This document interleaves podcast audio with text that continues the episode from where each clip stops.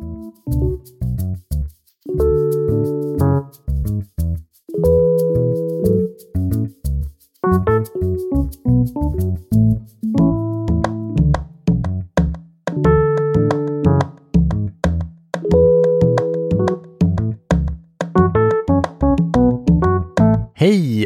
Och hjärtligt välkomna till ett nytt avsnitt av Sinnessjukt, en podd som görs i samarbete med Svenskt Näringsliv och deras kampanj Sjukskrivning är inte coolt. Nej, Svenskt Näringsliv har inget med det här att göra, utan den här podden bekostas av er lyssnare som blir patroner på patreon.com sinnessjukt, vilket gör att även ni som lyssnar på gratisavsnitten slipper fundera på huruvida det finns någon skum finansiär i bakgrunden som påverkar innehållet. Om innehållet är eh, undermåligt eller så, så beror det i så fall bara på att jag är eh, obegåvad och eh, inget annat. Innan vi drar igång dagens avsnitt vill jag bara tipsa er som gillade Freud-dokumentären och Margit Norell-dokumentären i tidigare avsnitt om att jag har medverkat i På spåret-vinnaren Fritte Fritzons podd Allt du velat veta och pratat om Sigmund Freud, men även eh, lite om Margit Norell. Roland Paulsen skrev ju en eh, artikel i DN om det nu, att han hade tappat tron på eh, här, Precis. psykoanalysen. Precis. Sen varför han går i psykoanalys, det är väl en annan historia, men, Mm. men att, att hans terapeut hade somnat var det Ja, precis. Och jag, tror inte, jag tror inte han kände till att, att, han, att det här är liksom en, en så här, vilket låter helt sjukt, men det är en, det är en så här diskussion som har funnits inom psykoanalysen efter Freuds död. Alltså, Mm. Är det okej att somna eller inte? under? Det fanns bland annat en svensk psykoanalytiker som hette Nils Haak, som var, så här, han var chef på Karolins, eller på eh, Sankt Görans eh, eh, psykiatrimottagning, som var ett så här flaggskeppsmottagningen i Stockholm. Han var liksom pro eh, att man kunde somna. Eh, Frida from Reichmann, som jag nämnde tidigare, eh, som var för övrigt Margit Norells eh, stora idol. Hon framförde på 50-talet så här, så försiktig kritik mot det där. Så här, men jag tror inte att det är riktigt bra att man sover under, under eh, psykoanalytik, eh, psykoanalysen. Ja, jag, jag tycker det är självklart att, att, att psykoanalytikerna måste kunna få sova lite grann. Ja, i och för sig. I och för sig det. Och angående uppföljningen på Thomas Eriksson-granskningen har nu inte bara DN och Läkartidningen skrivit om den, utan även Västerbottens-Kurirens Sofia Mirjamsdotter, varpå två chefer på Länsstyrelsen Västerbotten skrev en ursinnig replik. Och jag därefter tyvärr var tvungen att skriva en egen replik och göra slarvsylta av de här arma tjänstemännen, trots att eh, statsanställda är det bästa jag vet eh, näst eh, rabarberkräm. Om du som lyssnar också vill ställa insinuanta frågor till mig i det publika rummet eller bara höra mig prata om psykisk sjukdom så kommer jag till Ystad på onsdag i nästa vecka och blir intervjuad på scen på ett event som anordnas av fem eh, skånska kommuner. Det riktar sig främst till anhöriga till personer med psykisk sjukdom, men alla får komma och ingen föranmälan krävs. 18.00 till 19.30 i Österportgymnasiets aula är det som gäller nu på onsdag den 6 mars alltså. Jag var för övrigt i förra veckan i Göteborg och eh, gjorde detsamma och eh, kommer även om tre veckor till Umeå universitet den 20 mars. Och om du som lyssnar vill anordna ett liknande event med eh, en av landets minst karismatiska journalister på ditt företag eller i din kommun eller vårdavdelning eller så, så finns en länk i avsnittsbeskrivningen. Hur som helst, nu har det alltså blivit dags för den andra delen av min och Marcus Takanens sömnspecial. Här pratar vi om olika sömndiagnoser som insomni, restless legs syndrome och obstruktiv sömnapné, men också lite grann om parasomnier, narkolepsi och hypersomni. Dessutom pratar vi om sömnens betydelse vid psykiatriska diagnoser som depression, bipolär sjukdom, ångest, ADHD och autism.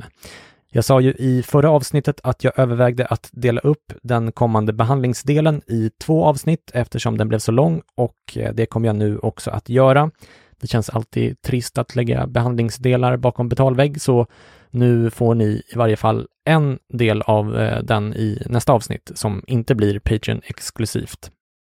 Där pratar vi om generella principer för behandling av sömnbesvär, sömnhygienråd, KBTI och läkemedelsbehandling av sömnbesvär, där vi börjar gå igenom olika läkemedel som melatonin, Sopiklon eh, eller Imovane som produktnamnet exempelvis kan vara samt eh, Solpidem eller Stilnoct.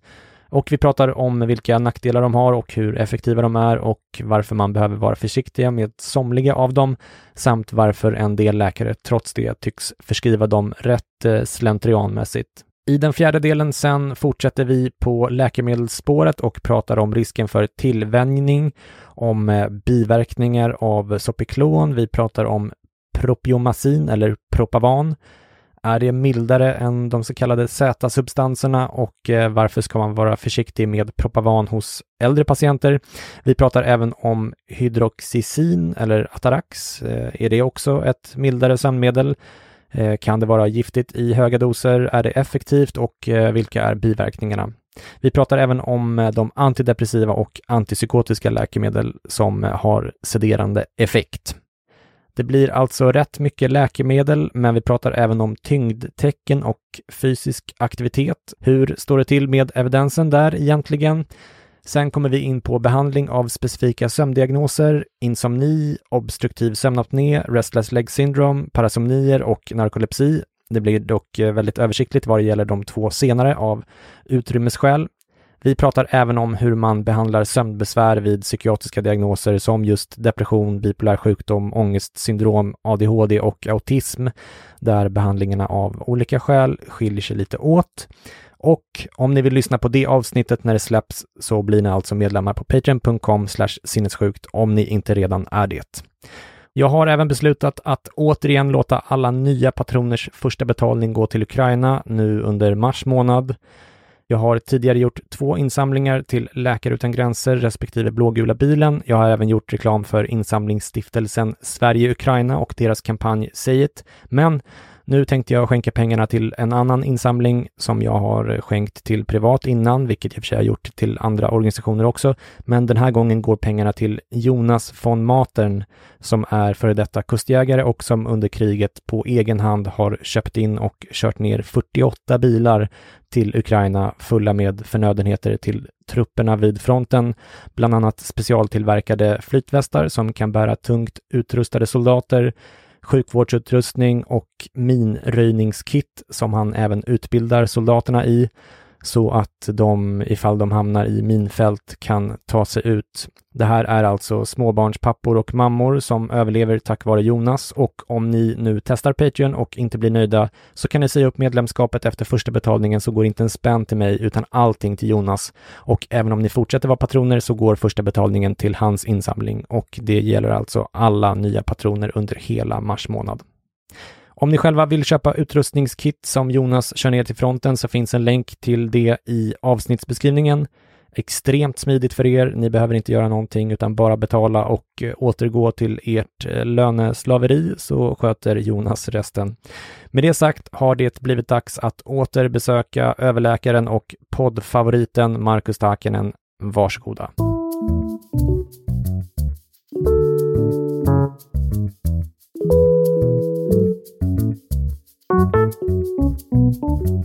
Om vi då går vidare till eh, specifika sömndiagnoser så mm, kan vi kanske återigen påminna alla om att alla sover dåligt perioder och kroppen har sitt sätt att kompensera för det. Det går väldigt ofta över av sig självt, men förstås inte alltid. Är det en bra sammanfattning? Eh, helt sant. Mm. Eh, och eh, det finns ju som vanligt ganska olika siffror på exakt hur vanligt det är med sömnproblem. Men jag tänker för att ge lyssnarna en bild av hur vanligt det är med dels kanske mer allmänna sömnproblem och hur många som sen uppfyller kriterierna för en riktig sömnstörning så att säga. Vad, vad kan man säga då, lite kort? Ja, men ungefär Ungefär 40 procent av befolkningen tycker att de eh, någon gång sover dåligt i sådana här enkäter. Ofta sträcker det sig väl över hur har du sovit det senaste året eller hur mm. är din allmänna hälsa det senaste året. Så där klockar ungefär 40 procent in på det. Och av i befolkningen, om man tittar på de stora eh, sömndiagnoserna som då ändå får sägas vara insomni och eh, obstruktiv sömnapné, så ungefär 10 av varje med, ganska, med en del överlappningar mellan de två diagnoserna också. Så det säger ju någonting om att det ändå är ungefär hälften av alla de här som sover dåligt som kanske helt enkelt bara behöver eh, som, eh, som eh, klarar sig med lite andra typer av åtgärder. Sömnhygien, råd, annat. Selling a little or a lot? Shopify helps you do your thing however you cha-ching. Shopify is the global commerce platform that helps you sell at every stage of your business. From the launch your online shop stage to the first real life store stage, all the way to the did we just hit a million orders stage. Shopify is there to help you grow. Shopify helps you turn browsers into buyers with the internet's best converting checkout. 36% better on average compared to other leading commerce platforms because businesses that grow grow with Shopify. Get a $1 per month trial period at shopify.com/work. shopify.com/work. Everyone knows therapy is great for solving problems, but getting therapy has its own problems too, like finding the right therapist, fitting into their schedule, and of course, the cost. Well, BetterHelp can solve those problems. It's totally online and built around your schedule. It's surprisingly affordable too. Connect with a credentialed therapist by phone, video, or online chat, all from the comfort of your home. Visit betterhelp.com to learn more and save 10% on your first month. That's BetterHelp H E L P. Precis. Eh, och du är inne lite grann på det här, men eh, de här sömnstörningarna har ju såklart olika symptom som vi kommer gå igenom, men jag gissar att det här, likt hur det är för psykiska diagnoser, inte är direkt liksom täta skott mellan diagnoserna. Eh, en del symptom antar jag är överlappande eh, och sen gissar jag att många som har typ sömnapné kanske får lite insomnibesvär och vice versa. Och så, här, så att det är inte helt eh, olika diagnoser heller på något sätt. Så är det absolut. Det överlappar, överlappar mycket och eh, det, det är nog en utmaning. Men där har man ju fördelen att jämfört med många av de psykiatriska diagnoserna så har vi ju någonting konkret vi mäter. Vi, vi, har väldigt mycket mer mätning i sömnmedicinen. Så att det är ju väldigt behagligt tror jag som sömnmedicinare mm. att man kan peka på olika värden och så vidare. Mm, ja, 100 procent. Mm, det är bra. Eh, sömnbesvär är också vanligt i alla åldrar, men om jag förstod saken rätt i boken så överlag så i alla fall så tilltar de eh, med åldern absolut tilltala med åldern. Och eh, sen så är det ju, finns det ju alltid ett mått av det här med skolan och eh, mm. Eh, tankar kring, kring utveckling och eh, vad man behöver lära sig när som kan göra att det finns en lite större brådska i om barn sover dåligt. Det vill säga det här vänta och man väntar, gör vissa sömnhygieniska åtgärder. Det kanske inte alls är lika relevant hos unga och barn för att det här en, en termin av dålig sömn gör att man hamnar efter. Och, ja, det, det kan bli så att det, det, det kan vara så att, eller det är så att eh, äldre har mer problem, mm. men eh, det, det, kan vara br mer brådskande att söka för unga eftersom de går förbi andra stadier. Jag förstår. Och i det här segmentet eh, kommer vi dels att gå igenom de vanligaste sömnstörningarna, dels några lite mindre vanliga och sen även prata om sömnens koppling till psykiska diagnoser av olika slag. Eh, vi kommer inte kunna djupdyka i allt såklart, det hör ni när jag eh, berättar om schemat, men man vill ju såklart kunna ge lite tips också och det kommer vi att göra eh, och hänvisa till en del specifika studier också ifall ni vill veta mer och inte tycker att det här är tillräckligt. Men om vi börjar med den allra vanligaste sömnstörningen, Marcus, så kallas den insomni, eh, vilket du har nämnt eh, redan. Och där är det så mycket som 10 till 30 procent av alla vuxna som har insomnisymptom och runt 6 till 10 procent uppfyller diagnoskriterierna. Eh, så det här är alltså kolossalt vanligt och namnet insomni kanske för tankarna till insomning eller insomningsbesvär. Vilket i och för sig inte är helt fel, men det är inte heller helt rätt. Hur skulle du vilja beskriva insomni? Ja, men insomni är ju helt enkelt en, ett styrningspro, det är en, det är en styrningsproblem i sömnen. Det är antingen att vi inte kommer igång med den, det vill säga att vi liksom den här startmotorn för sömnen inte kommer igång i god tid, eller att vi inte kommer ner tillräckligt djupt så att vi eh, helt enkelt har ja, men vi vaknar upp och ibland mer eller mindre svårt att somna om också. Där det kan ju vara väldigt, man kan eh, tänka på patienter som man har haft med ångest, depression och annat, där man liksom mm. vaknar upp mitt i natten och mm. så får man massor av tankar, man är liksom mm. inte återställd och stress och ja, ortosomni på det, det vill säga man ligger där och tänker mm. på att man måste sova mm. för man ska få bättre. Ja, men det där känner jag jättemycket igen från när jag hade depression. Så där. Det är ganska eh, vedervärdigt. Men eh, du är inne lite grann på, på det redan, men, men vilka är eh, diagnoskriterierna utöver det du nämner hittills så att säga? Men dels är det ju de här sakerna med reglering.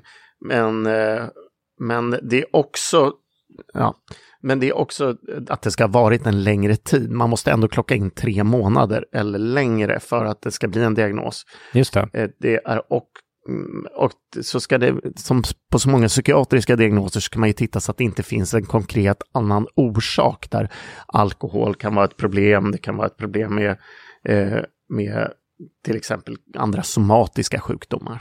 Just det, så att man måste eh, säkerställa att det inte är något helt annat som spökar innan man sätter den diagnosen. Men, men trots det så tänker jag att eh, eh, alltså, det här tillhör ju en av de sömndiagnoserna som ofta går över av sig själv med tiden. Och jag tänker att det kanske kan vara ett skäl till att man har satt ett ganska långt tidsspann på diagnoskriterierna. Eh, tre månader eh, att jämföra med exempelvis då depression där man brukar säga att besvären ska vara i typ minst två veckor eller sådär. Mm. Så det, det, det, det är därför så att säga. Ja, men det är väl därför och eh, det är ju så som vi konstatera så är det väldigt vanligt med kortare episoder av dålig sömn. Och då får säkert 40 procent en underrapportering. Ja, precis. Men, men jag tänker att om man nu känner att, om man känner igen sig i de här symptomen du beskriver, vilket jag tror att ganska många gör då med att man har svårt att somna eller att man vaknar upp mitt i natten och har svårt att somna om och sådär. Eh, om man inte haft det alltså, i tre månader eller mer, tycker du att man ska söka hjälp tidigare ändå eller ska man liksom vänta? Hur, hur ska man resonera? Det finns väl någonting vettigt i att pröva en hel del av det som kallas sömnhygieniska råd eller göra saker åt det själv först. Men samtidigt så har vi ju med 1177 med annat en väldigt, ett bra system för att bara ringa in och fråga och få lite lite rådgivning. Jag menar, skulle jag sätta mig med Excel så skulle jag behöva mycket rådgivning och det är inte så att alla människor är födda sömnexperter. Så Mm. att man kanske har sovit dåligt eh, fram till en tenta och är orolig för det eller det är någonting som har hänt och man är orolig för kommer jag bli sämre i min depression och det är ju klart man ska ringa in för det. Men själva det här att tänka att man skulle göra sömnmätningar eller börja mäta för mycket själv för tidigt, nej det känns helt onödigt. Okej, men om man har eh, den här typen av problem lite, lite tillfälligt och haft det någon vecka eller två och sådär och inte har så stora eh, problem i övrigt så ska man inte belasta vården heller och höra av Nej. sig. Liksom. Det finns ju alltid någonstans, och det, det glömmer vi ibland, finns det ju alltid någon sorts grundprincip och lagstadgat att man i vården ska vara ganska hårda i sin sortering av sjukt och friskt. Det vill säga att Mm. eh, mycket av vårdens resurser ska egentligen gå till de som är väldigt sjuka. Mm. Precis, samtidigt så är det svårt att veta också som patient när gränsen går så att säga. Så att eh, då, om man söker så, så kan man bli triagerad ganska snabbt antar jag att ja, men du, du eh, går hem och, och eh, eh, försök tänka på din sömnhygien och så ser vi om det inte har blivit bättre om två månader så kan du komma tillbaka så där. Så att det kanske inte krävs jättemycket resurser av vården om man söker i onödan heller så att säga. Helt sant. Det är ju också så att eh, insomnibesvär kan ju också se lite olika ut med åldern har jag förstått. På, på vilket sätt kan det skilja sig åt? Jo, men ju äldre man blir så blir det mer typiskt de här uppvaknandena, alltså att man liksom vaknar upp tidigt. Eh, man ser också väldigt mycket skillnad mellan kvinnor och män, där, kvin- där det är vanligare hos kvinnor. Och där finns det väl teorier kring hormoner som det så ofta Mm. finns, men det finns också en ganska intressant, eh, det finns också en, ett intressant spår med att det faktiskt i väldigt många kulturer är ett ganska stort tryck på kvinnan som någon sorts liksom, hushållsbärare. Mm. Det, det, det, det du som har hand om barnen, du som ser till Mm. att allting funkar. Så den här liksom centrala delen i mångas liv eh, blir kvinnan sen i slutändan liksom den botten för. Det vill säga att man, det, det får inte falla igenom där. Precis, så det skulle kunna finnas både biologiska och eh, vad ska man säga, sociala förklaringar till att insomni Hund- är vanliga. 100 procent. Okej, eh, vi kommer att prata mer om insomni i sista segmentet som handlar om behandling, men jag tänker att vi kan gå vidare till nästa sömnstörning lite snabbt eh, och eh, det är RLS, Restle- Restless Legs Syndrome, som även kallas Willis Ekboms sjukdom, vilket jag gissar är en lite äldre benämning. Men kan du beskriva vad det här är för någonting? Till börja med älskar jag ju en bra namn. Tänk om det fanns en Christian Dahlströms sjukdom. Mm. Det skulle ju vara någonting. Det är väldigt skönt att man har bytt namn på många av de här sakerna. För Mm. det, är- med namnet bara så hör man ju nästan direkt vad det handlar om. Mm. Det är en sån här ex, så en lite, så, en liten, mycket obehaglig känsla, ofta djupt i benen. eh, av liksom så lite spänningar, pirrningar, elektriska stötar. Eh, och ofta är de väldigt mycket fokus på kväll och natt, inte bara natt. Vi pratar ju sömn nu, men mm. kvällsdelen är också viktig. Eh, så det här är väl bara konkret vad det är för Ja, och det förstår man ju själv att om det pirrar i benen eh, när man ska lägga sig och sova så, så blir det svårare att somna helt enkelt.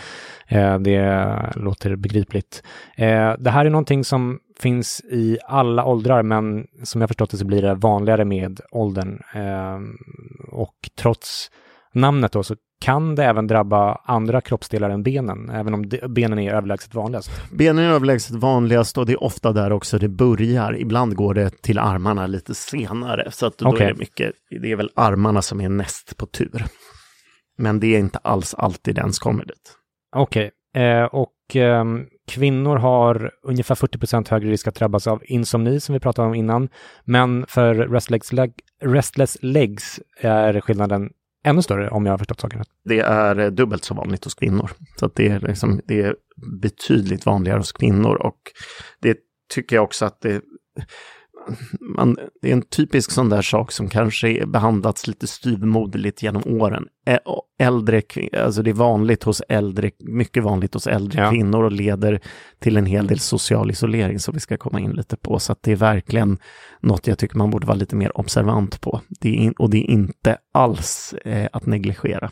Nej, precis. Man kan tänka sig att det kommit in äldre kvinnor och, och, och klagat på att det pirrar i benen och så kanske doktorn är lite, ja, ja men det är sånt här, eh, inte så allvarligt men... Och det är ju inte bara det, utan det är lite grann något jag tänkt på när man också när jag jobbat med, med liksom volontärprojekt och annat sånt, att som patient, när man kommer in till, till sjukvården så är det ju ofta man kommer in med flera besvär. Du kommer in med liksom, ja, men det pirrar i benen, du kanske har högt blodtryck. Och man, doktorn kan ofta ha någonting som de är ganska fokuserade på. Doktorn, så fungerar även jag i mina även i mina bästa dagar, att man liksom sorterar fram det som bedöms som mest akut. Det kanske är blodtrycket som har stuckit mm, iväg. Mm, mm. Och då kan, det vara, då kan det vara värt att bara en gång till nämna att ja, men det här med benen, för att det kan bli lätt kännas nog som att, ja men som du sa, men det, det är liksom inte så farligt, vi tar det på nästa besök, men det kanske leder till att du sover sämre och att mm. du får högre blodtryck. Så att man kan gå tillbaka till det och ändå nämna det igen. Ja, och jag tänker så här, restless, restless legs, det, det låter kanske inte så allvarligt, eh, alltså själva namnet då. Eh, och oftast så är det väl inte det heller. Alltså, ofta, de flesta som har det har liksom lindriga besvär som det är med de flesta sjukdomar. Men det kan också vara så att man har väldigt stora besvär och då kan det, har jag förstått, få, få en massa liksom jättestora konsekvenser. Inte minst på sömnen som du är inne på också, men, men eh, även sociala konsekvenser som att man inte vågar gå på restaurang eller bio eller sådär eftersom man är orolig för att det ska börja krypa i benen och sådär. Det, det låter väldigt påfrestande. Det är det verkligen och det är inte det är, det är en grupp också som kanske har en tendens, eh, den åldrande populationen har en tendens åt mera ensamhet, man isolerar mm. sig något mm. mer och att då ha någonting där man känner att man måste gå upp och promenera mitt i middagen eller mm. mm. man besväras när man sitter i kyrkan eller mm. sitter på konserten eller något sånt där och inte, det, det blir ju då väljer man kanske att stanna hemma och ensamhet som vi har pratat om någon gång förut, det är mm. också farligt på mm. sitt sätt. Så det här, och sen bara den dåliga sömnen gör ju att du inte orkar. Så att vissa är det absolut en mild sjukdom för, mest vissa är det ha, väldigt handikappande. Väldigt, ja, jag förstår. Du, man talar även om primär och sekundär form av eh, RLS, eh, som det förkortas. Va, vad betyder det? Men ungefär 60 procent av det som kallas en primär RLS. Mm. Och det är då att det är det som det, det kommer utan att man vet riktigt, man har liksom lite teorier bakom varför det kommer, men det är det som är huvud, eh, liksom huvud, det, det, har uppkommit. Och de andra är när det är någonting annat som har gjort att det uppkommit. Och då kan det vara allting ifrån dålig syretillförsel, det vill säga att någonting är eh, problematiskt med kärlen i benen, det, eller någon annan orsak till att de har dålig tillförsel, det kan vara alkohol, det kan vara tobak, eh, det finns en massa, det kan också vara järnbrist, det är väldigt, väldigt vanligt eh, att det är. Så att det är en följd, en följd av en annan, eh, ett annat tillstånd så att säga, snarare än att det är bara... Och, och primär eh, RLS är, räknar man väl som liksom en, en genetisk snarare då? Ja, en, en... det är väl mycket ärftligt. Jag har för mig att jag läst siffror om 60 procent eller om det var... Eh, så det är, väldigt, det är väldigt vanligt att det finns en genetisk komponent i det. Jag förstår. Och det kan också, eh, alltså det är en di diagnos som kan förväxlas med lite andra tillstånd, inte minst hos eh, barn, där, alltså nu har vi pratat mycket om äldre, men, men det kan förekomma hos barn också. Vilka, vilka är de vanligaste tillstånden som RLS kan misstas för? Men växtverk, konstigt som det kan låta. Okej. Okay. Och sen så ADHD. Eh, och ADHD det är väl att man är väldigt rörlig. I sängen, ofta nattetid kan man vara rörlig. Det, det är ju där mycket av eh, tankarna kring eh, tyngdtäcke har kommit mm. in också, när det kommer just till ADHD och sömn. Så att där finns det en hel del diagnostik att göra. Just det, att det spritter i benen hos Eh, barn med ADHD, att de har mer energi och liksom mm. Eh, mer tankar och har svårt att somna av det. Så, liksom, ja, och så kvällstid så börjar man bli lite tröttare, så är man mm. kanske ute på restaurang eller på fotbollsträning eller något sånt, så mm. ska man liksom inte hålla sig stilla. Ja, och växtverk, det kan man ju också, det är lätt att förstå varför, att det, liksom, det pirrar lite i benen. Eh, och så eh, tänker man att det är det istället. Tur att man slipper växtverk, för ja, det, var ju, det var ju väldigt länge sedan jag hade det i alla fall. Ja, verkligen. Jag verkligen. har krympverk snarare. du, ett eh, tillstånd som kan komma samtidigt som RLS är Periodic Limb Movements Disorder, eller PLMD, vad är det för något? Det är att man ofrivilligt rör benen under natten eller rör kroppsdelar under natten och det kan vara upp till hundra gånger under natten. Okay. Alltså, som liksom, man tänkte lite som en ryckning eller att man liksom rör sig lite, lite grann. Det, är inte, det behöver inte vara att du liksom knytnäven smäller till någon, men eh, att man rör sig under natten. Okay. Och det stör sömnen. Det kan finnas hos friska också, men det är mycket vanligare i samband med RLS. Jag förstår. Eh, även RLS återvänder vi till i nästa segment, men vi går vidare till den tredje av de sömnstörningar som vi kommer att fokusera lite mer på, även om det förstås blir översiktligt som vi sa eh, ändå. Men eh, det, det, finns ju mycket mer att säga om alla de här tillstånden. Men den tredje sömnstörningen är obstruktiv sömnapné eller OSA som det ibland förkortas, eller OSAS, OSAS, eh, som det har kallats eh, tidigare. Eh, och vi har nämnt det flera gånger här, men vad är det för någonting? Det, det är helt enkelt, det, det, står för obstruktiv sömnapné mm. och är när vi, vi hindras på något sätt i, alltså luftflödet, luftflödet normalt när vi sover går ner och det finns en del problematiska saker med att andas när vi sover. Vi ligger ner, det är liksom inte, vi rör inte på oss, vi har gått ner i aktivitet i kroppen. Mm. Men det här är när det tas ett steg till och vi får liksom hinder, mer eller mindre blockader. Eh, i luftvägarna. Och det finns massor av olika eh, situationer där det kan bli värre. Eh, det kan vara liksom att det, vi har halsmandlar som är för stora, det kan vara liksom käken på mm, olika mm, sätt. Så att mm. något hinder i luftflödet. Okej, okay. och om vi ser till eh, diagnoskriterierna här med, finns det någonting att tillägga där? Alltså vad, vad är kriterierna och, och, när är det liksom läge att söka professionell hjälp? Men det som man ofta, det är bra att du frågar just när folk söker, för det vanligaste sökorsaken som leder till att man får den här diagnosen, det är ju ofta att man snarkar mm. eh, och att man är trött på dagen, det vill mm. säga att man blir liksom trött. Och Eh, men, men man behöver också ha, man, man, kan också vakna upp, det, man kan också få diagnoser om man vaknar och inte är nöjd med sömnen, det vill säga du vaknar och är fortfarande lite trött på morgonen. Och då talar vi inte om morgontrött. Mm. För det kan man ju få vara om man är då en mm. nattuggla och någonting är uppe mm. alldeles för tidigt men att man är ordentligt otillfredsställd med sömnen. Men det sen, låter ju mer som insomni, tänker jag, om man vaknar tidigt på morgonen och inte kan inte somna om och sådär. Så. Ja, men, du var, men nej, mer om du vaknar, det var kanske jag som var otydlig, mer om du vaknar när du tänker dig att du borde vakna, men att du känner att det här var inte tillräckligt med sömn. Du, okay. liksom, ah, okay, okay. Jag har sovit från 10 eh, till klockan 7 på morgonen eller, och, och känner ändå så bara... Sömndrucken på, ja. och inte tillfredsställd i sömnen så att säga.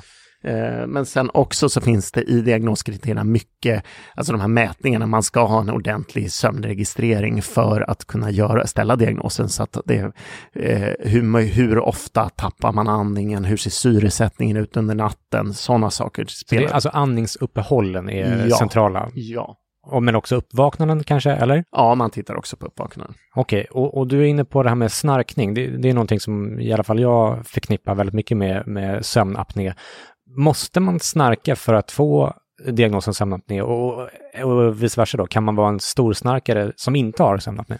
Eh, man kan vara en stor, det, det, kan man vara. Så att vissa snarkar utan sömnapné, vissa har sömnapné men snarkar inte. Men det vanligaste är en kombo av båda, snarkning och sömnapné. Att man har, alla som snarkar har inte sömnapné, men det är vanligt att med förekommande med ganska ordentliga snarkningar. Eh, det här är som jag förstått en av de vanligaste sömnstörningarna. Hur vanligt är det? Eh, ungefär 10 procent. Okej, okay. och om man ser till orsaker eller riskfaktorer och samsjuklighet och sådär, vad kan man säga om de sambanden när det gäller sömnapné? Men ganska mycket kring det metabola spektrat. Det är mycket övervikt, eh, man kan se eh, diabetes har också en samsjuklighet, men också mm, saker som har eh, som hjärtsvikt eller neurologiska sjukdomar som påverkar hur vi hanterar våra muskelspänningar i kroppen. Eh, olika typer av störningar i själva anatomin är också, försvårar också. Det här är väldigt viktigt att titta på. Det är väl därför också väldigt mycket öron, näsa, halsläkare kommer in i det här. Och tandläkare för den delen faktiskt. Okej, okay, varför då? Nej, men för att det är käkanatomi, hur man okay. har i svalget. Så att tandläkare kan också bli sömnspecialister på jag, jag förstår. Eh, visst är det så också att det är um, kopplat till övervikt, eh, alltså, och, och, och, vi har pratat om tidigare att både insomni och sömnapné är vanligare hos kvinnor. Här är tvärtom så att det är män som det är mm. vanligare hos. Mm. Alkohol, eh, eh, rökning och så vidare. Absolut, och övervikt är jättebra att du nämner det, för övervikt är en sån eh, bra första åtgärd. Det kan vara nästan botande i vissa fall, mm. så att, att gå ner i vikt är Eh, har man, börjar man få de här problemen eller misstänker att man har det så är det ju absolut att kontakta vårdcentralen för en dietist eller själv börja titta på kost, eh, kosten. En bra första åtgärd. In the market for investment worthy bags, watches and fine jewelry, Rebag is the answer. Rebag is a luxury resale platform where each piece is carefully inspected by experts to ensure quality and authenticity. Use Rebag to buy and sell finds from the world's top brands, including Louis Vuitton, Chanel, and Cartier. Head to Rebag.com and get up to 15% off your first purchase as a member with code REBAGNEW. Shop today at Rebag.com. That's R E B A G.com. And use promo code REBAGNEW for up to 15% off your first purchase as a member. Selling a little? Or a lot? Shopify helps you do your thing however you cha-ching. Shopify is the global commerce platform that helps you sell at every stage of your business. From the launch your online shop stage to the first real life store stage, all the way to the did we just hit a million orders stage. Shopify is there to help you grow. Shopify helps you turn browsers into buyers with the internet's best converting checkout. 36% better on average compared to other leading commerce platforms because businesses that grow grow with Shopify. Get a $1 per month trial period at shopify.com/work. shopify.com/work. Hey, I'm Ryan Reynolds. At Mint Mobile, we like to do the opposite of what Big Wireless does. They charge you a lot, we charge you a little. So naturally, when they announced they'd be raising their prices due to inflation, we decided to deflate our prices due to not hating you. That's right. We're cutting the price of Mint Unlimited from $30 a month to just $15 a month. Give it a try at mintmobile.com slash switch. $45 upfront for three months plus taxes and fees. Promote for new customers for limited time. Unlimited more than 40 gigabytes per month. Slows. Full terms at mintmobile.com. Jag fattar. Och eh, precis som för insomni och eh, restless legs så finns det olika svårighetsgrader. Men i värsta fall kan sömnapné få väldigt allvarliga konsekvenser, eller hur? Absolut, både trafikmedicinskt, eh, det försämrar förmågan att köra, det kan få eh, påverka hur du är på, om du har eh, liksom farliga jobb. Jag kan tänka mig kanske att jag skulle inte stå och operera eh, utan att, eller jag skulle för den delen inte vilja jobba som psykiater heller om jag var liksom trött, men det men operation av maskiner, annat sånt. Men också att det kan ge vissa fys alltså vissa somatiska komplikationer, stroke, hjärta, mm. kärl, annat som påverkas av just den här nedgången i syresättning under natten som är så allvarlig. Ja, jag läste någonstans att det var att två till tre gånger så eh, stor risk för att råka ut för trafikolyckor om man, eh, om man har det här. Eh, och att eh, en svensk forskare som heter Torbjörn Åkerstedt, va, som har, Mm. få- eh, inte bara på, på den här diagnosen, men rent allmänt att, så här, att eh, sömn är en lika stor eller till och med större fara för trafikolyckor eh, som alkohol. Oh, Ja, det så det är- verkar ju väldigt... då, då behöver vi bygga ut våra sömnlabb. Ja, precis. Vad är det man brukar säga att vi har ungefär 200 trafikolyckor i Sverige, eller dödliga trafikdödsfall i år, om året eller något sånt där. Ja, precis. Eh, så att det är, eh, ja, det är väldigt allvarligt i värsta fall. Eh, innan vi går in på kopplingen till eh, psykiska diagnoser tänkte jag att vi skulle köra lite snabba nedslag i andra sömnstörningar där du får berätta lite vad det är för någonting. Om vi börjar med eh, parasomni. Mm. Eh, det finns en massa olika parasomnier. Vilka är de och, vad går, går de ut på? Nej, men där har vi sådana här konfessionella uppvaknande, det vill säga förvirring vid uppvaknande. Vi har sömngången, så här, ganska klassiker. Mm. Och eh, där tänker man sig ju sådär att ja, ja, ja, men man går ut i köket och ger sig en macka. Eller liksom, Mm. Men det kan vara, jag har till och med hos många av mina patienter sett sånt som att man faller rakt pladask när man är ute och går. Mm. Man har mikrat sin mobil Ja, ja. i sömnen. Eh, det kan vara som man går in i tvn. Jag menar, det är, det är inte alls, eh, och det är ganska besvärligt att behandla som vi ska förhoppningsvis ändå komma in på några behandlingar sen. Eh, Det kan vara nattskräck eller sömnskräck, eh, olika typer av mardrömmar av mer eller mindre allvarlig karaktär. Vanligt bland barn, nattskräck. Ja, och sen så har vi de här olika typerna av udda, eller udda men väldigt jobbiga hallucinationerna, det som kallas hypnagoga och hypnapompa hallucinationer. Mm. Det vill säga hallucinationer vid, vid uppvaknande och insomnande där man kan du, tänk, tänk dig att du när du vaknar känner att det liksom är människor runt omkring dig, Mm. du kan se saker på täcket.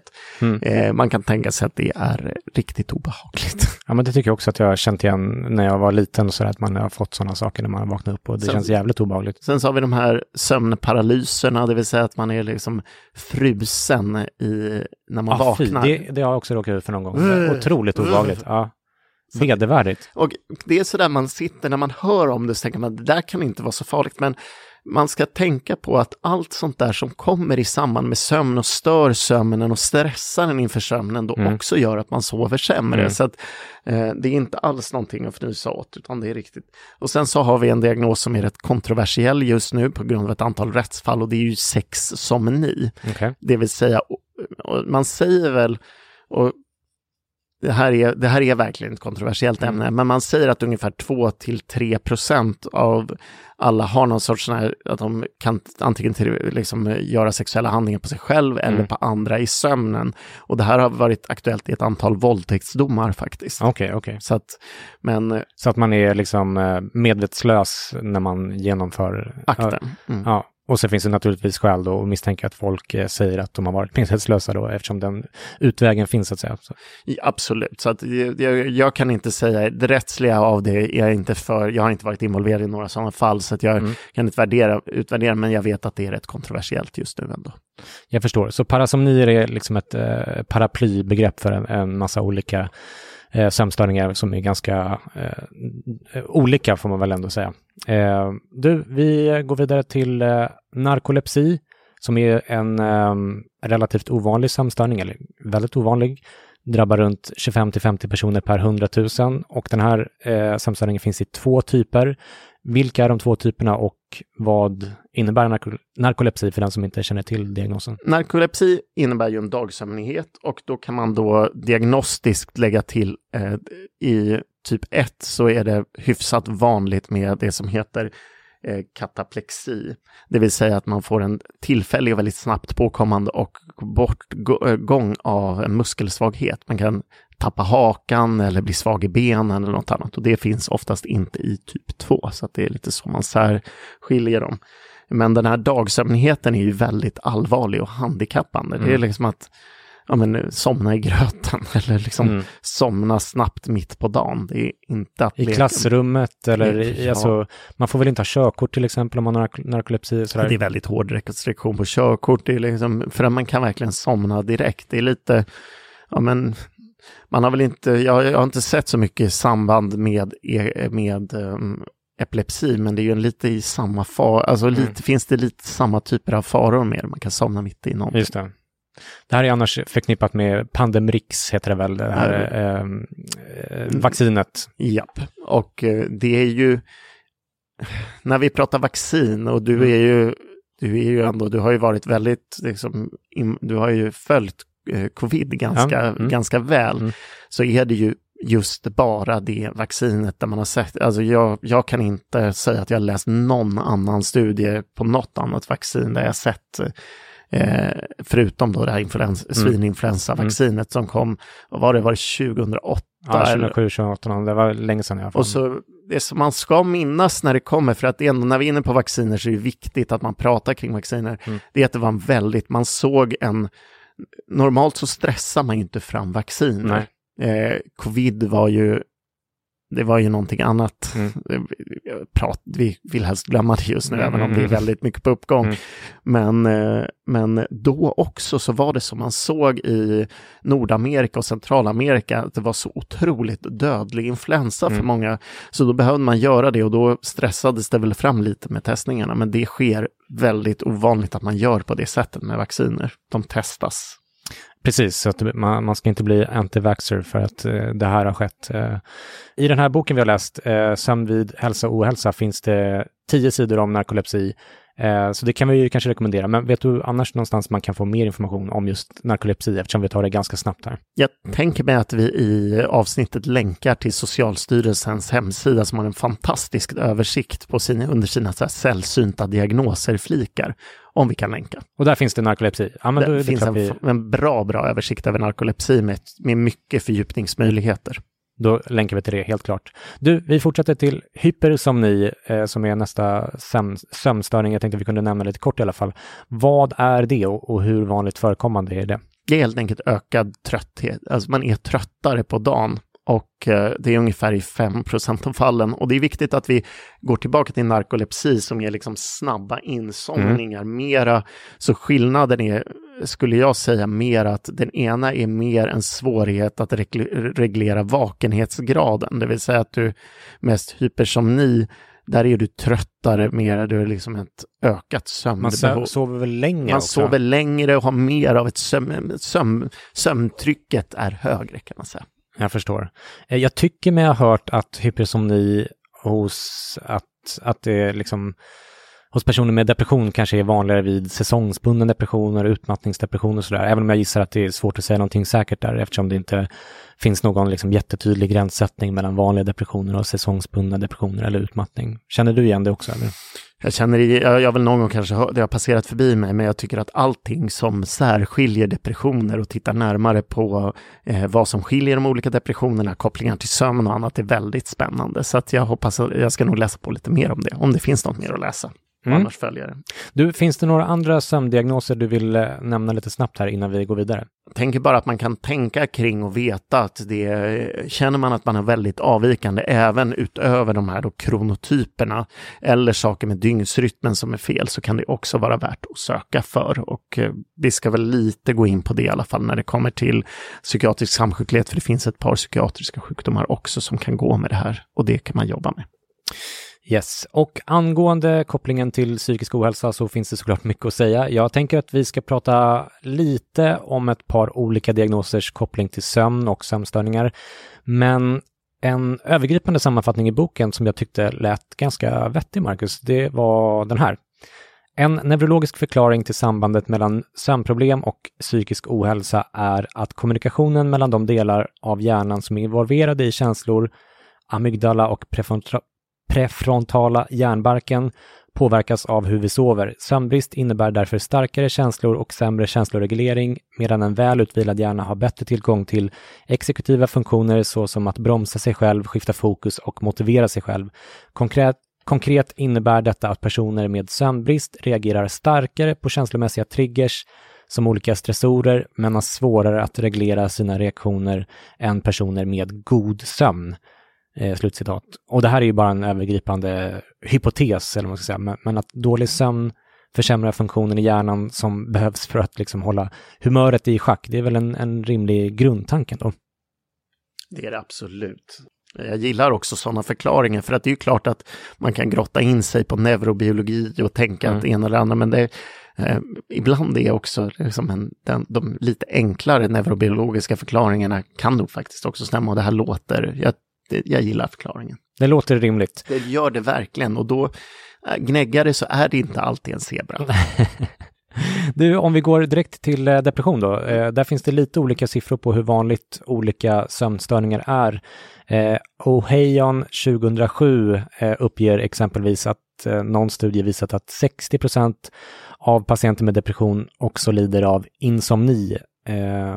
Och det är inte så konstigt kanske eftersom eh, eh, ett av nio diagnoskriterier för depression eh, där man måste uppfylla fem eh, är just sömnstörning. Även tre andra av kriterierna är lite angränsande, tänker jag. Energilöshet, psykomotorisk agitation eller psykomotorisk stämning, alltså att man rör sig långsammare, pratar långsammare, tänker långsammare och så vidare. Och svårighet med koncentration, tänkande och beslut. Så det låter liksom redan på, på diagnosstadiet här som att eh, kopplingen mellan depression och sömn är väldigt stark eh, per definition. Så att säga. Är, det så, är det det du säger att du vill att det ska vara sömnmedicinare som håller i depression framöver? Jag hör en, hör en, sån, hör en sån flörtning.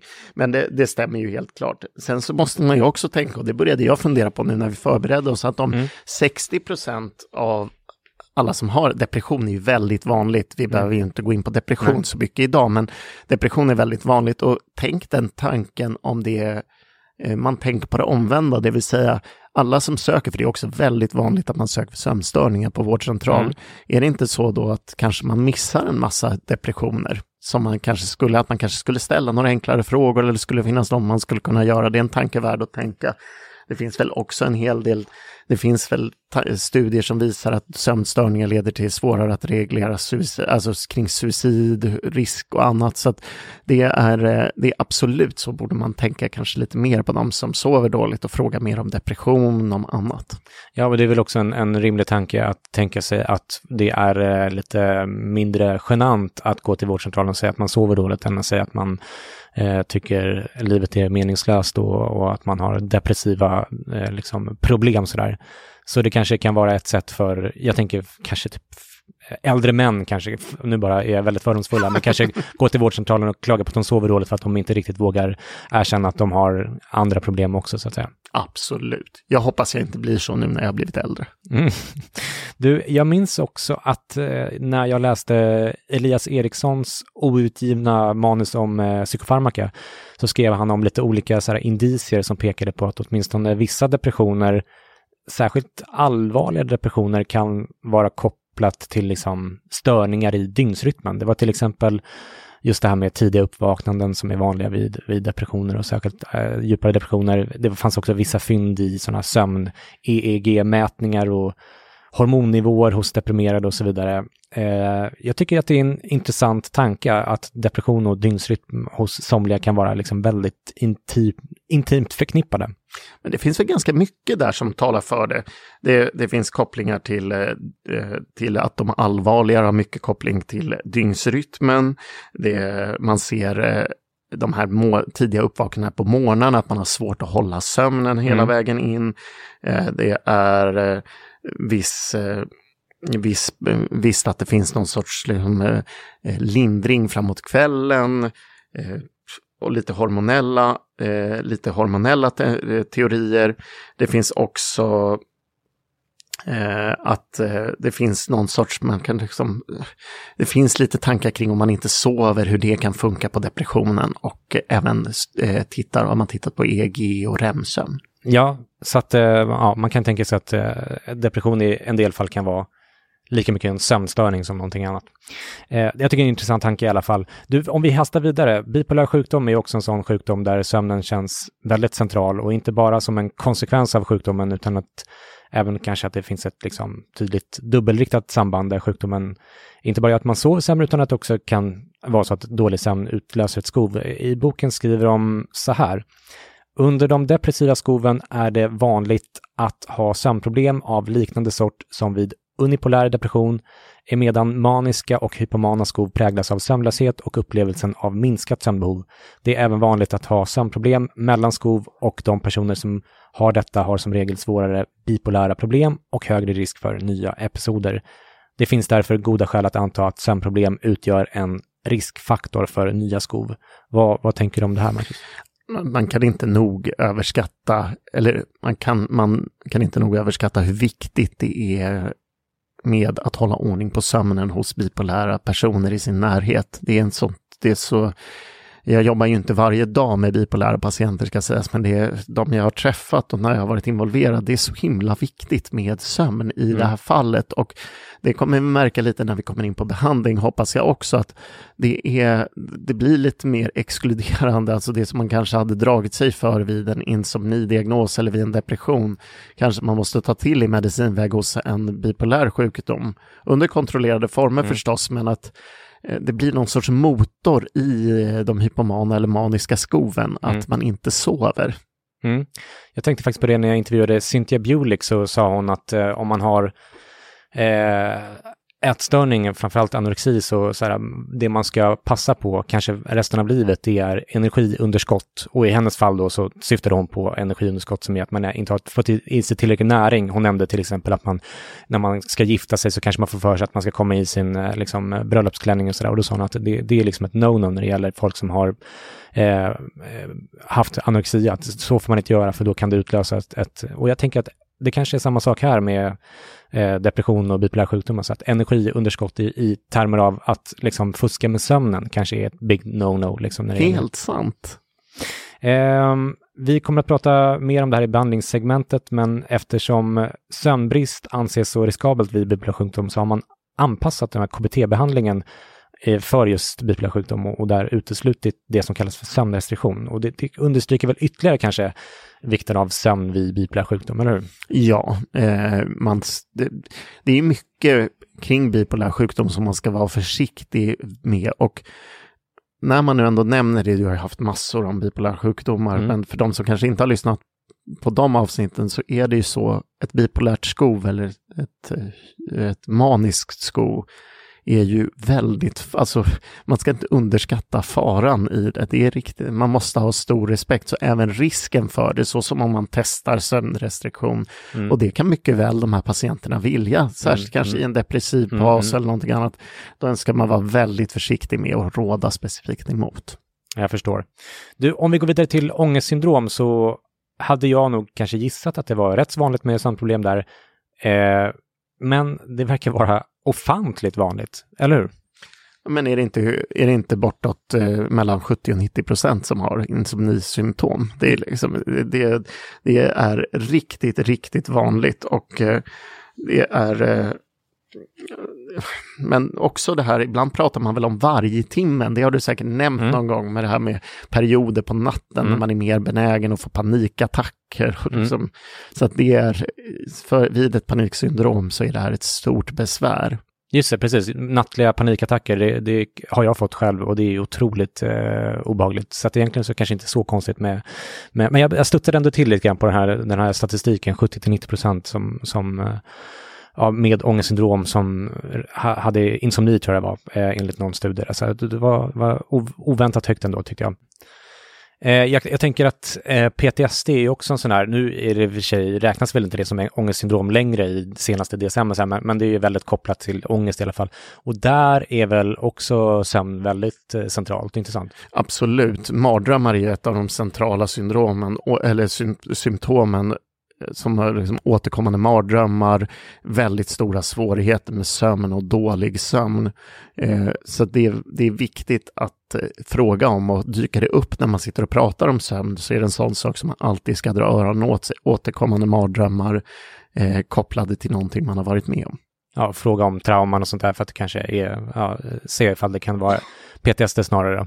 Eh, du, jag tycker att det verkar överlag som att även sambandet mellan ångest och sömnproblem som typ insomni är dubbelriktat, alltså att ångesten kan orsaka sömnproblem, men också tvärtom att sömnproblem kan ge ångestsyndrom. Eh, och det känns ju logiskt att ångest så att säga gör det svårt att sova och att liksom dålig sömn också gör oss mer benägna att älta och har svårare att hitta lösningar på pro problem och tänka hjälpsamma tankar. Sådär. Som den här liksom, övergripande hypotesen som vi nämnde tidigare. Eh, samtidigt så, så hör jag Amir Sariaslans stränga stämma i bakhuvudet. Det kan vara överlappande genetik som är förklaringen till att man hamnar både på eh, ångesten och eh, eh, sömnproblemen så att säga. Och det stämmer det, men det är ju väldigt, det, och det har du ju sagt när du pratar om honom, det är väldigt komplex genetik mm. vi har att göra med. Så mm. att det, det kan nog absolut stämma och särskilt när vi pratar om det här med dygnsrytmstörningar och mm. depression ja, det, är, det är ett spännande tid att vara i sådana fält. Jag, med liksom AI som analyserar genkombinationer mm, och sånt där. Mm. Vi får se vad som rasslar fram. Du, jag tänker att vi ska avsluta det här segmentet med lite neuropsykiatri. Ehm, det verkar ju som att sömnsvårigheter är eh, vanligt hos barn med ADHD. Eh, enligt eh, Winshank och kollegor från 2017 så verkar sömnproblemen dessutom bara öka med åldern. De skriver i den studien med hänvisning till en annan studie från 2014 av Fischer, tror jag, om jag minns rätt, eh, att eh, sömnbesvär rapporterades signifikant oftare hos vuxna, 80 procent, än hos barn eller ungdomar, där de förekom hos 74 respektive 41 procent. Så att här verkar kopplingen vara väldigt stark redan från barndomen, men sen bara bli eh, ännu värre, så att säga. Det blir den absolut. Och tänk på att eh, sömnbesvären också kan försämra grundsymptomen eh, med koncentrations, alltså minne, koncentration, mm, mm. annat, mm. så har du sömnbesvär så blir ju också själva ADHD värre på ett sätt. Selling a little or a lot? Shopify helps you do your thing however you cha-ching. Shopify is the global commerce platform that helps you sell at every stage of your business. From the launch your online shop stage to the first real life store stage, all the way to the did we just hit a million orders stage. Shopify is there to help you grow. Shopify helps you turn browsers into buyers with the internet's best converting checkout. 36% better on average compared to other leading commerce platforms because businesses that grow grow with Shopify. Get a $1 per month trial period at shopify.com/work. shopify.com/work. Mom deserves the best, and there's no better place to shop for Mother's Day than Whole Foods Market. They're your destination for unbeatable savings, from premium gifts to show-stopping flowers and irresistible desserts. Start by saving 33% with Prime on all body care and candles. Then get a 15-stem bunch of tulips for just $9.99 each with Prime. Round out Mom's menu with festive rosé, irresistible berry chantilly cake, and more special treats. Come celebrate Mother's Day at Whole Foods Market. Ja, det låter verkligen som att det mm. är så. Eh, jag tänker att det är också så att ehm, centralstimulerande läkemedel som ju är räddningen för många med ADHD. Men, men jag läste att det eh, tyvärr då kan ha liksom sömnstörande effekter och det låter ju som extra dåliga nyheter tyvärr för de som har ADHD. Absolut, det är väldigt, men ofta med en ganska sträng reglering av när man tar de här centralstimulerande läkemedlen som Etylfenat eller Vansa så kan man klara sig. Men det, men det krävs att man är ganska noggrann med när man tar dem och lär sig sin kropp lite, när går de ut, för annars kan det bli jättesvårt att sova. Det är, de är ju stimulerande. Precis. Du, eh, jag tänker att vi slutligen också kan nämna autism eh, och även där, nu blir det bli ett återkommande tema här märker jag, men även där verkar kopplingen vara liksom väldigt, väldigt uttalad. Hur, hur pass vanligt är det med sömnproblem vid autism? Det är, eh, det är mycket vanligt. Ofta beskriver de både rytmstörningar, alltså mm. att själva sömnrytmen är störd. Det kan mm. vara sådana saker, exempelvis som att man har 25 timmar på ett dygn. Så att jag har träffat patienter som liksom har en klocka som går en timme för mycket, mm. om du mm. förstår, eller en timme mm. för lite. Mm. Så man liksom nästintill över en vecka eller en månad ställer om sin, mm. sin dygnsrytm. Och det kan också vara vissa som beskriver att de har väldigt liksom sönderslagen sömn på många sätt. Vaknar upp mycket men liksom inte av några vettiga skäl för dem. Mm. mm. Men jag har också innan vi liksom rundar av det här segmentet så har jag också en, eh, en eh, en, eh, ett annat, du vet ju att beroende står mig väldigt varmt jo, visst, om hjärtat. Visst, visst. Och det är ju så att sömn, både när man dricker för mycket, har ett alkoholberoende, ska ta sig ur ett alkoholberoende, mm. vid cannabisberoende, eh, opioidberoende, så sömn är väldigt ett stort problem inom beroendemedicinen och påverkas också av att det är eh, svårare med läkemedelsvalen också. Så. Ja, jag minns att när vi pratade, när vi eh, planerade det här avsnittet så frågade jag lite grann om det. Men mm. jag tänker att min eh, fördom, eller man ska säga, min tanke var att det, det måste ju vara var i princip varje patient har, har någon form av sömnproblem. Det kanske är lite överdrivet, eller? Jo, men det är, nej, ja, det är på min mottagning som handlar, handlar opioidberoende så, så skulle det inte vara helt osant faktiskt. Så okay. det är väldigt vanligt och eh, är också en central del, ofta med vid, särskilt vid alkohol eller cannabis, men också vid opioidberoende, hur man lyckas ta sig ur det, att man ändå får lite ordning på sömnen till slut. Är det någonting du vill lägga till eh, i det här segmentet, förutom det du just gjorde med beroende och så här, innan vi går vidare till behandlingsdelen? Jag tror vi har fått med det mesta. Ja, där var vi i mål med denna den andra delen av vår ambitiösa sändspecial, om jag får eh, säga det själv.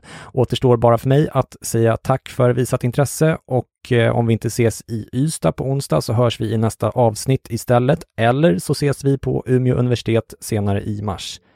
Ta nu hand om varandra där ute. Puss och kram. Hej då!